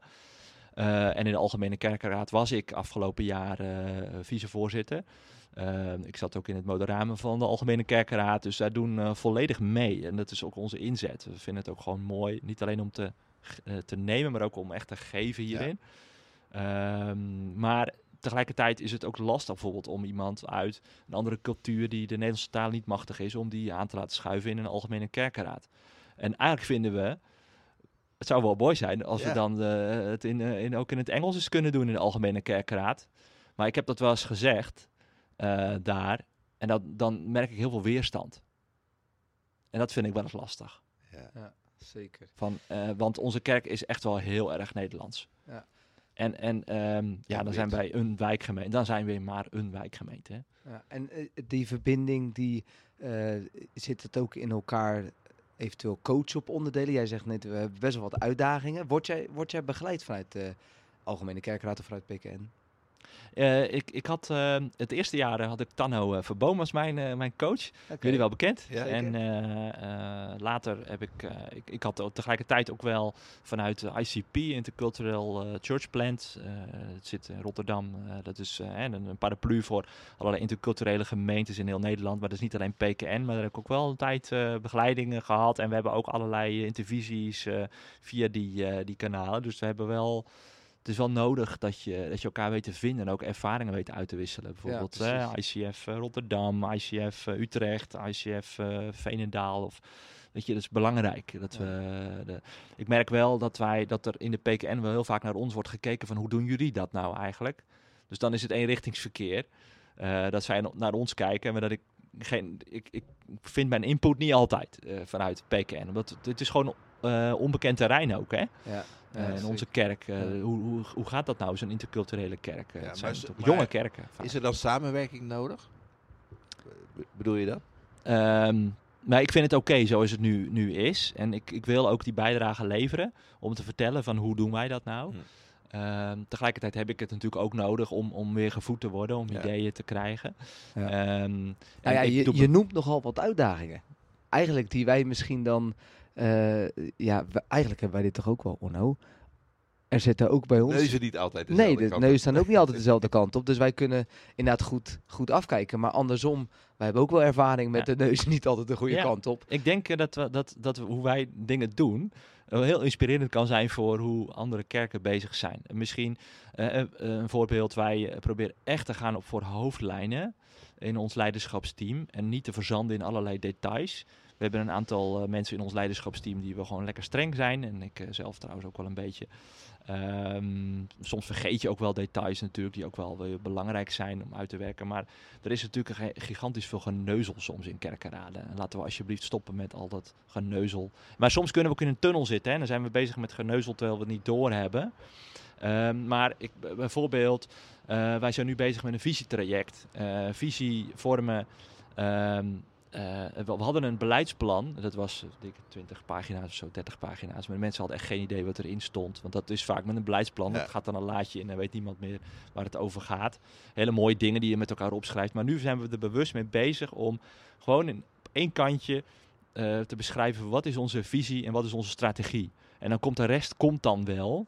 En dat gaan we dan ook wel uitwerken in al die eh, verschillende ministry eh. Eh, de, de strategie voor het kidswerk, de strategie voor de youth, de strategie voor de keuken, de strategie voor, het, voor, het, voor de techniek. Ja. Ehm, eh, Dus eh, zo op die manier. En ik Maar die toets je dan een soort van aan die one-pager, om het Ja. zo maar te zeggen. ja, die toetsen we aan die one-pager. En we hebben er ook al extern veel mensen voor eh, binnen gesleept. Of iemand wel uit onze ICF die eh, heel veel eh, ervaring heeft om eh, bijvoorbeeld Jumbo-supermarkten eh, verder te helpen. Eh, leuk. Ferdy van den Berg heet hij. Dat is echt heel leuk. Die eh, is in onze ICF. Maar we hebben daarnaast ook eh, mensen van ICP mee laten denken. En en zo, zo doen we het of zo. En, en ik leer er zelf ook enorm veel van. Maar het is wel, ik denk wel inspirerend voor, voor kerken, kerkenraden om niet eerst met een beleidsplan bezig te gaan. Want dan doe je een jaar over of twee jaar om dat dan te vormen. En dan na vijf jaar dan moet je het weer gaan vernieuwen. En elke, elke vergadering komt het weer terug. En dan wordt er weer. Wordt er, dan moet er, gaat er weer een andere kerkraad weer een plasje over doen en zo. Ja, Ja. ja. ik heb er helemaal niks mee. Hey, wij- wij ook niet. Nee, ook niet. Nee. Ehm, maar je zegt ook eigenlijk van, we, kunnen heel veel leren van elkaar. Ehm, maar is dit nou ook een oproep om eh, bijvoorbeeld in zo'n algemene kerkraad dat ook te doen? Te kei- daar, daar ook naar te kijken met elkaar. Van, wat kunnen we nou eigenlijk leren van elkaar? Dat hoop ik. Ehm, Kijk, wij, wij, wij eh, proberen gewoon ons verhaal positief te vertellen. Eh, ik probeer positief te blijven. En als ik heel erg negatief eh, ga doen, ik zit nu een klein beetje negatief te doen, merk ik. Ehm, eh, dat- helpt mensen ook niet. Nee. Dus laat je, laat je gewoon inspireren. Ehm, en, en af en toe eh, ja, krijg ik een vraag van, van andere wijkgemeentes: van hoe doen jullie dit nou, nou precies? En hoe kunnen we daar, daarvan leren? Ehm, ja, Ja, fijn als zo'n vraag komt. Ja, Daar kan je mooi. iets over vertellen. Je bent natuurlijk van, eh, gewoon een hele andere vraag. Slaat, dit is nu helder. Ehm, eh, je, ben je het meer gaan, waarde- gaan waarderen om weer in Nederland te zijn? Of is dat te arrogant eigenlijk? Want ik bedoel, wij, wij hebben toch een bepaald, ja, ik denk wel een beetje een soort aap op de rots eh, idee. Dat wij echt, wat wij hebben neergezet in Nederland, westerse wereld, dat is toch wel echt fantastisch. Ehm, of als je dan kijkt naar de Albanië, die cultuur, en je bent nu weer terug hier in de ICF, maar ook gewoon in, eh in Bodegraven, ben je, denk je dan ook van ja, het is ook wel echt een mooie plek Nederland? Of eh, zit je nog wel af en toe met je hoofd in Albanië? Ehm, ik ben ehm, weer gaan waarderen om, om, om in Nederland te zijn, maar dat heeft wel even geduurd. Ik dacht toen we in Albanië woonden en werkten, dacht ik moet, ik, moet ik weer terug naar Nederland? Moet ik in een rijtjeshuis gaan wonen? Ehm, mo- moet ik heel burgerlijk gaan doen? Moet ik eh, al die dingen, dat kwam echt heel erg op me af, eh, omdat wij heel erg die vrijheid hadden en ook in het werk. Ik was aan het pionieren daar natuurlijk en ik was met zoveel... Niet te veel eh, details. Mensen, nee, ja. Eh, ik kan heel veel vertellen inderdaad, maar... eh, goed, Nee, ik bedoel meer Oh, voor jou zelf. De, dat kwam er weer aan. Ja, weer. ook die Toen was details. niet te veel, ja, Ja. dus nu was vrijheid en dan weer En dan heel moet veel je details. terug naar de details in Nederland. Ja, kijk, ehm, maar ik, ik ben ook wel weer mijn traditie in Nederland gaan waarderen. En eh, weet je, ik ben opgegroeid met, eh, met de psalmen op hele noten. En eh, ik luister ook wel echt naar de mannenzang in Katwijk eh, eh, soms. eh, en dan kan ik helemaal met mijn stekker gaan. eh, en eh, ik ga in het najaar ga ik, eh, ga ik eh, heel hard meebrullen met eh, de mannen in, eh, in Katwijk. eh, met de mannenzang. Dus eh, dat doe ik ook, inderdaad. Ja. Maar ik kan ook helemaal uit mijn stekker gaan met... met, eh, met My Lighthouse, eh, die Ja. we straks gaan, eh, gaan luisteren. Ja, die, nou Ja. dat was een mooi bruggetje, want inderdaad, daar kunnen we wel naartoe, eh Onno. Je hebt inderdaad, wij hebben gevraagd van, heb je een specifiek lied wat ook wel een beetje de situatie in de ICF ehm, enigszins typeert, maar ook wel waar je zegt, dat zingen we vaak. En toen kwam je met My Lighthouse van Rent Collective. Wa- waarom My Lighthouse? Voor ehm, ehm, Mirjam was dit een eh, heel eh, mooi, eh, mooi lied. Het zong heel vaak. En we hebben dit lied ook gezongen op onze, onze, de, de begrafenis van, van Ja. Mirjam. Jaël, die was toen, moet ik even rekenen, eh 12 min 4, 5, ehm 7 of 8 ehm, jaar. En toen zong ze dit lied met, met iemand erbij, met een bandje. Ja, My Lighthouse in, in de branding. En bent u mijn vuurtoren. Ja, my light uit de vuurtoren klinkt niet zo, hè? Nee, Ehm, eh, we gaan het niet vertalen. eh, nee, nee, dat moeten we eigenlijk niet vertalen. Eh, maar ook weer die, die rots in de branding, dat licht wat, wat er is die, op de kust. maar die, die plek waar, waar Jezus licht eh, schijnt. Heb jij het lied meegenomen, de ICF, in?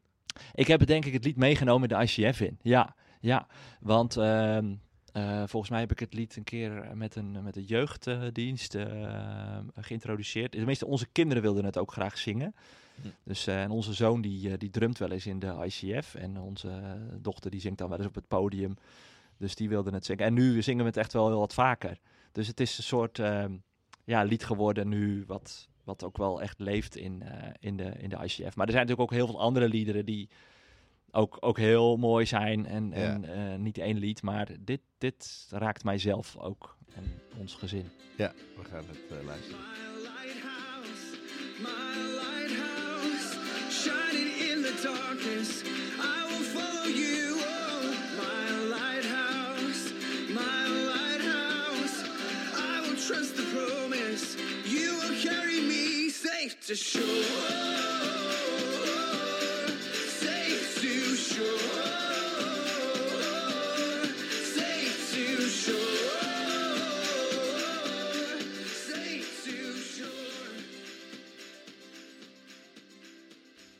I will follow you. Nou, dat, dat lijkt me goed. Ehm, nou, even terug naar het begin van het gesprek. Over twee weken begint eigenlijk jouw reality show. Dat, is wat, dat kunnen we nu zeggen. Want Ja, maar eigenlijk zitten we hier met een reality soapster ja, zitten we toch wel eh, ja, in wording. in wording. Hoe bereid je eigenlijk op voor? Op het feit dat het straks gaat gebeuren? Ja, we weten straks dat we eh, helemaal niet meer anoniem over straat kunnen. Als ik nu in Bodegraven loop, dan ben ik nog een soort van anoniem. Hoewel al die mensen die me groeten en, eh en, eh, die geen niet idee kent, wie dat die allemaal zijn. Die, ik, die ik niet ken. En dan zegt mijn vrouw wel eens van, ja, maar dat is die toch? Dat is die. Ja, dat geen idee. Ja, ik kom natuurlijk niet uit Bodegraven.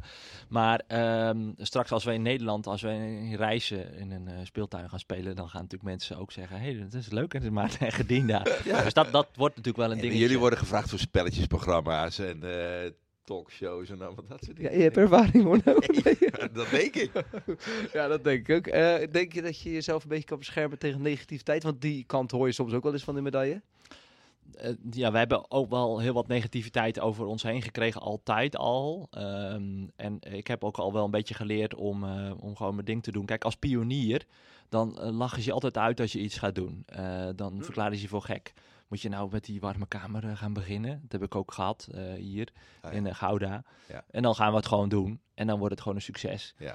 We hebben in Albanië zijn we van allerlei dingen gaan doen. En dan zegt dezelfde partnerkerk in Tirana van ja, moet je nou voor die dorpelingen dingen gaan doen? En dan gaan we het toch doen. En dan komen er gewoon 30 mensen tot geloof. Mm.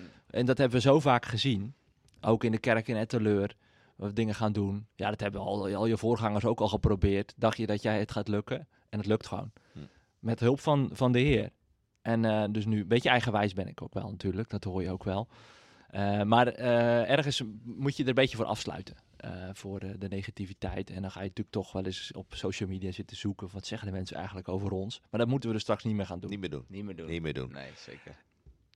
We gaan afsluiten. Maarten, heel erg bedankt voor dit eh, gesprek. We zien je heel graag in onze gemeente. Dat is ook een beetje Belgisch, hè?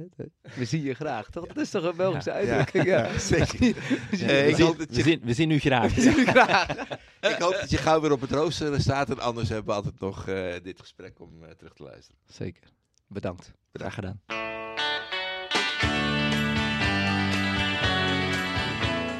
Bedankt voor het luisteren naar deze aflevering. Hopelijk ben je geïnspireerd, bemoedigd of is simpelweg je reis een stuk sneller gegaan. Heb je een vraag, opmerking of wil je iets delen naar aanleiding van dit gesprek? Geef het dan door aan Onno en René. Spreek ze aan of laat een berichtje achter in de Oostsport-app. Vinden ze leuk? Deze podcast is gemaakt door Onno Kastelein en René Rijn met technische en contentondersteuning van Lisa Bos, Bob Luursema en mijzelf, Marjolein Ouwerkerk.